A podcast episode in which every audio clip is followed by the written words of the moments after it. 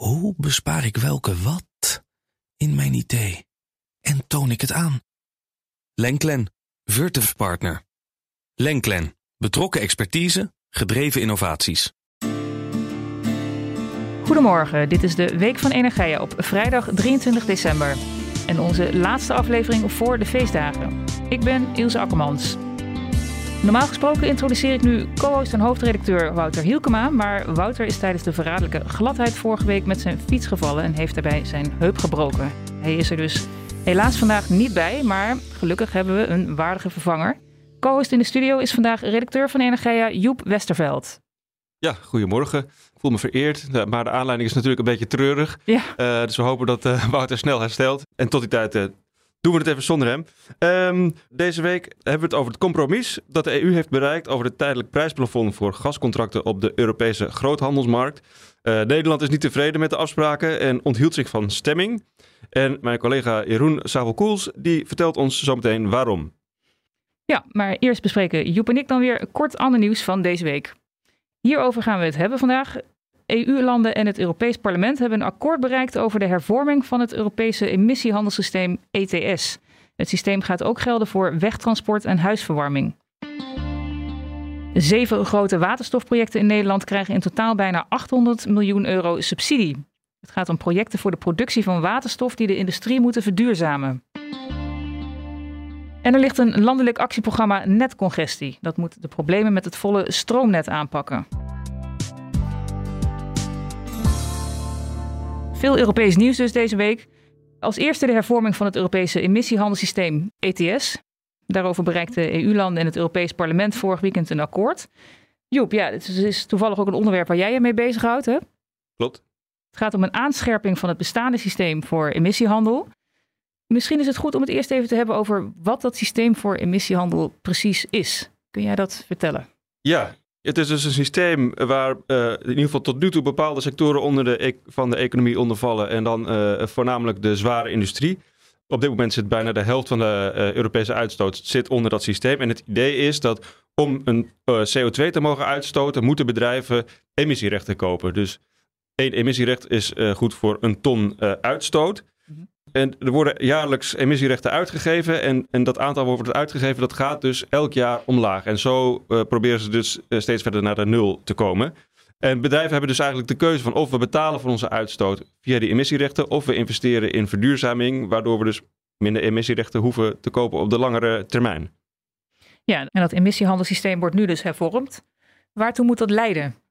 Nou, het oude emissiehandelssysteem uh, zette in op. Uh, voor, voor, 2030 was het doel uh, 43% reductie. Nou, dat moest omhoog getrokken worden vanwege Fit for 55. Ja.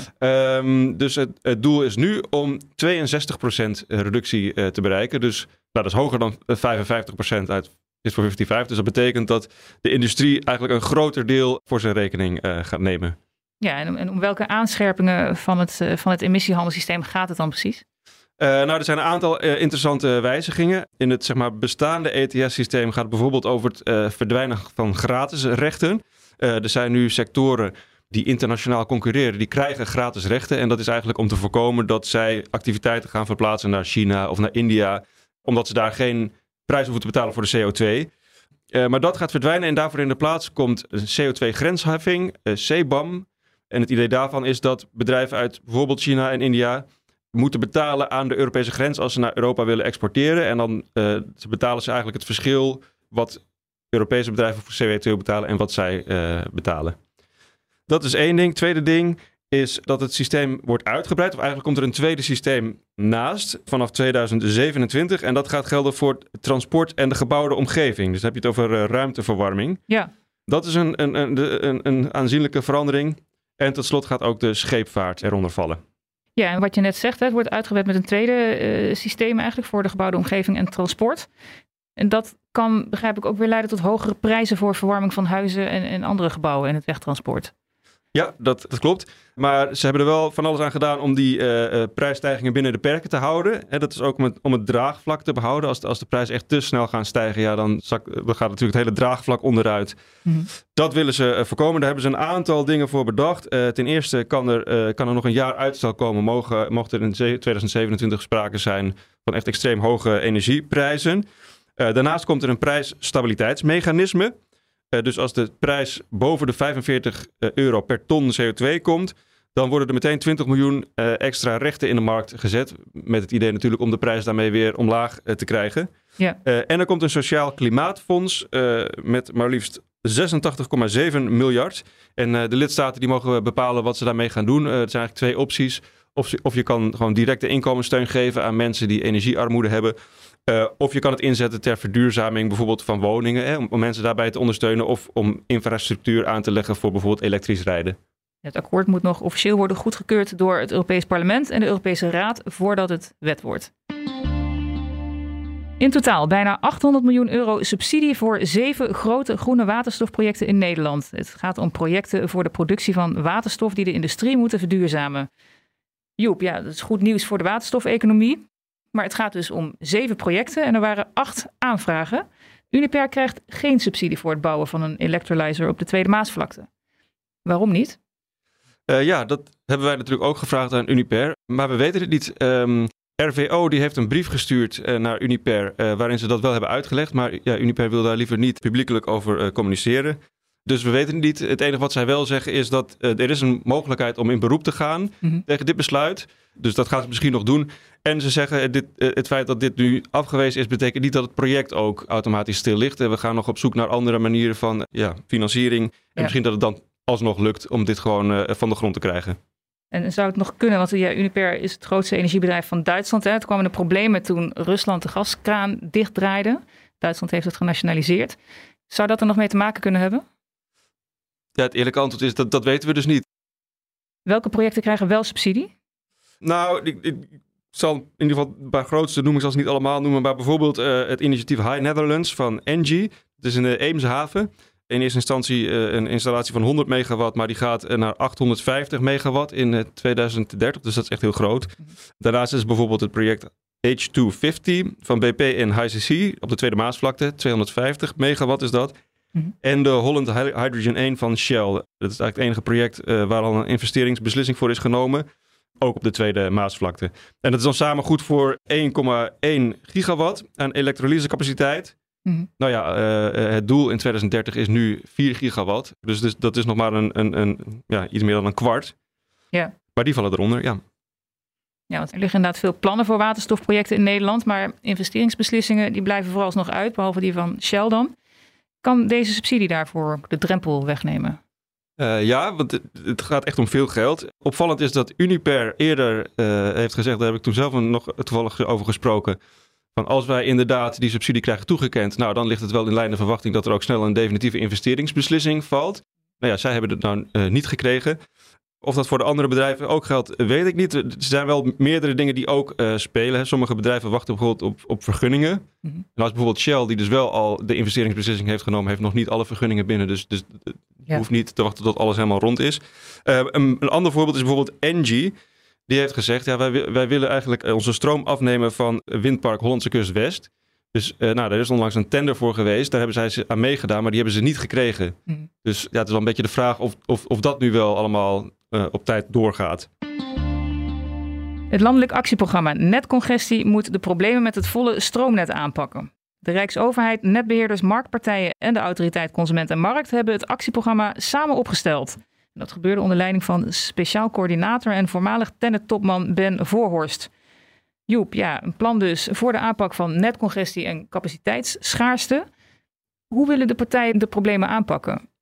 Ja, nou, eh, ten eerste, uh, Ben Voorhorst is dus aangesteld als speciaal coördinator voor Noord-Brabant en Limburg.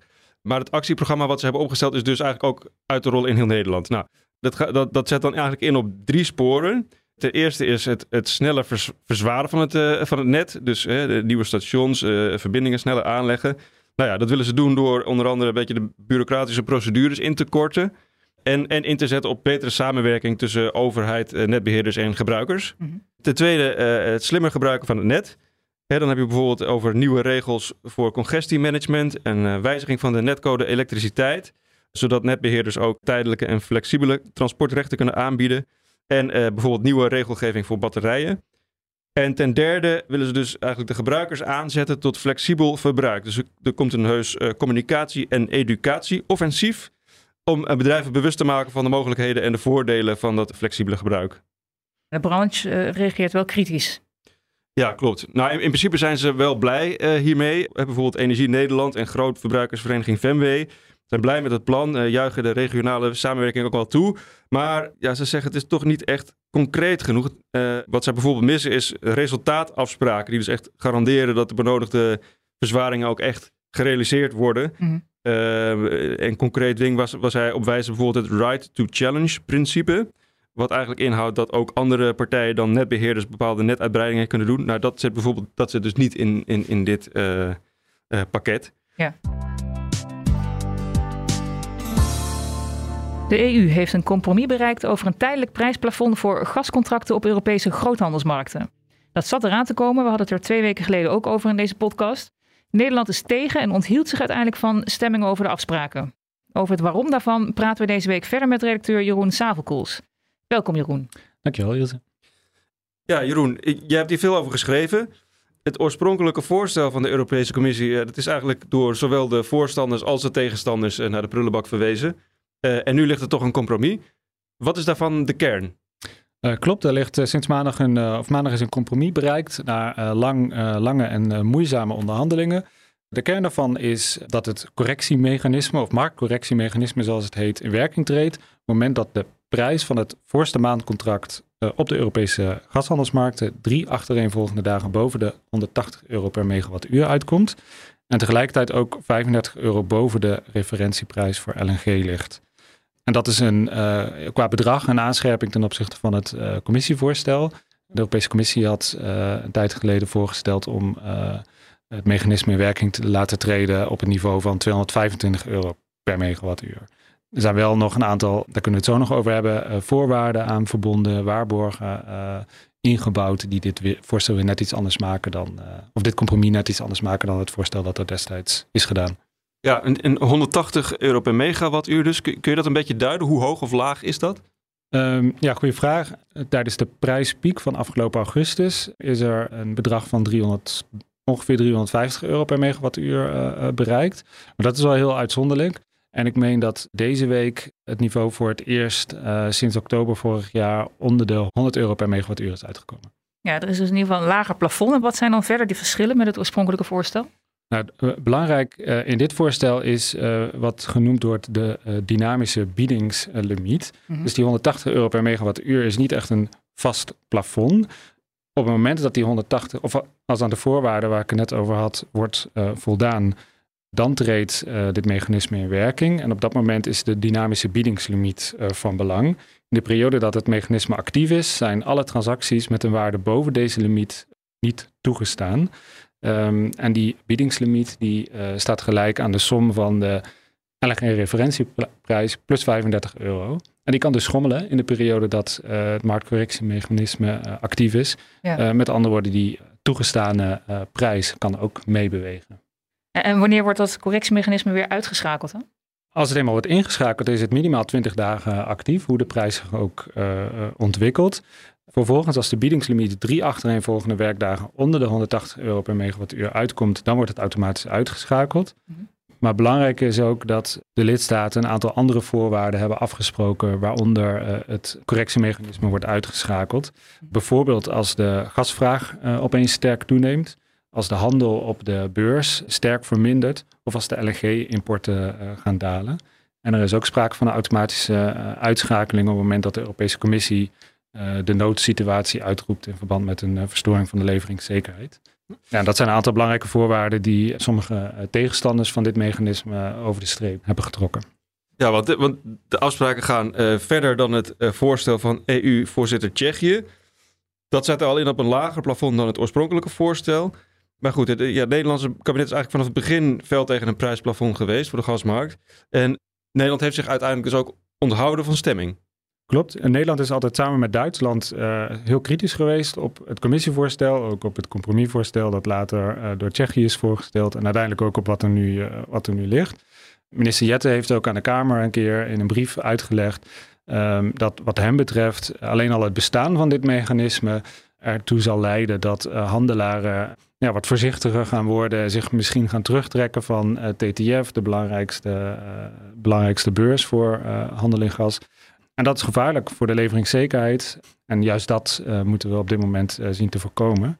Uiteindelijk zijn de waarborgen die zijn ingebouwd in dit voorstel niet voldoende geweest om Jet over de streep te trekken. Opvallend genoeg wel om de Duitsers over de streep te trekken. Jette heeft gezegd, nou we, we, trekken hierin samen op met de Duitsers, maar uiteindelijk heeft hij toch een andere afweging gemaakt. En, en waarom hebben ze niet tegengestemd? Omdat dit toch niet tegen te houden viel. De meeste lidstaten zijn voor. Er, is een, er wordt gewerkt met gekwalificeerde meerderheid. En de minister heeft, denk ik, gemeend dat tegenstemmen niet zoveel, niet zoveel zin heeft. Heeft het op deze manier opgelost. En voor wie heeft het prijsplafond eigenlijk gevolgen? Nou, het prijsplafond heeft gevolgen voor uh, handelaren op de gasmarkt. Die zullen, uh, zullen dat gaan merken. Nou ja, de vrees bij, bij Jetten en, en andere tegenstanders of critici is dat de gevolgen voor de handelaren ook zullen gaan doorwerken in de beschikbaarheid van gas en uiteindelijk ook op wat consumenten en bedrijven gaan betalen. Of dat zo is, uh, zullen we gaan zien. Maar, maar stel, het gaat helemaal mis en, en de leveringszekerheid van het gas staat echt op het spel. Ja, wat gebeurt er dan? Want... Nou, op dit moment kan er dus ingegrepen worden en kan dit uh, marktcorrectiemechanisme weer worden uitgeschakeld. Um, dus die waarborgen zit daarin. De vraag is of dat dan op tijd is en of het leed niet al is geleden. En het leed is dan, we komen niet meer aan gas? Ja, of we zullen ongetwijfeld wel aan gas komen, maar tegen of de hoge prijzen of, of niet voldoende gas, dat, dat, dat is denk ik waar Nederland bang voor is. En wanneer gaat de regeling in? De regeling gaat in op 1 februari, maar uh, het marktcorrectiemechanisme mag vanaf, kan vanaf 15 februari worden ingeroepen. En dat geldt dan, um, het is in principe een jaar lang van toepassing. En aan het einde van het jaar wordt bekeken of het uh, verlengd moet worden. Dankjewel, Jeroen Savelkoels. Dit was de Week van Energia met de laatste ontwikkelingen in de Nederlandse energiesector. Op energia.nl lees je meer. Dit was onze laatste aflevering voor de feestdagen. Op vrijdag 13 januari zijn we bij je terug met een nieuwe aflevering. Fijn dat je luisterde. We wensen je fijne feestdagen en tot in het nieuwe jaar.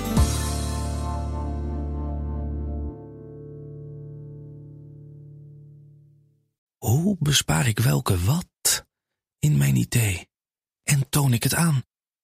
Lenklen, Virtuf Partner. Lenklen, betrokken expertise, gedreven innovaties.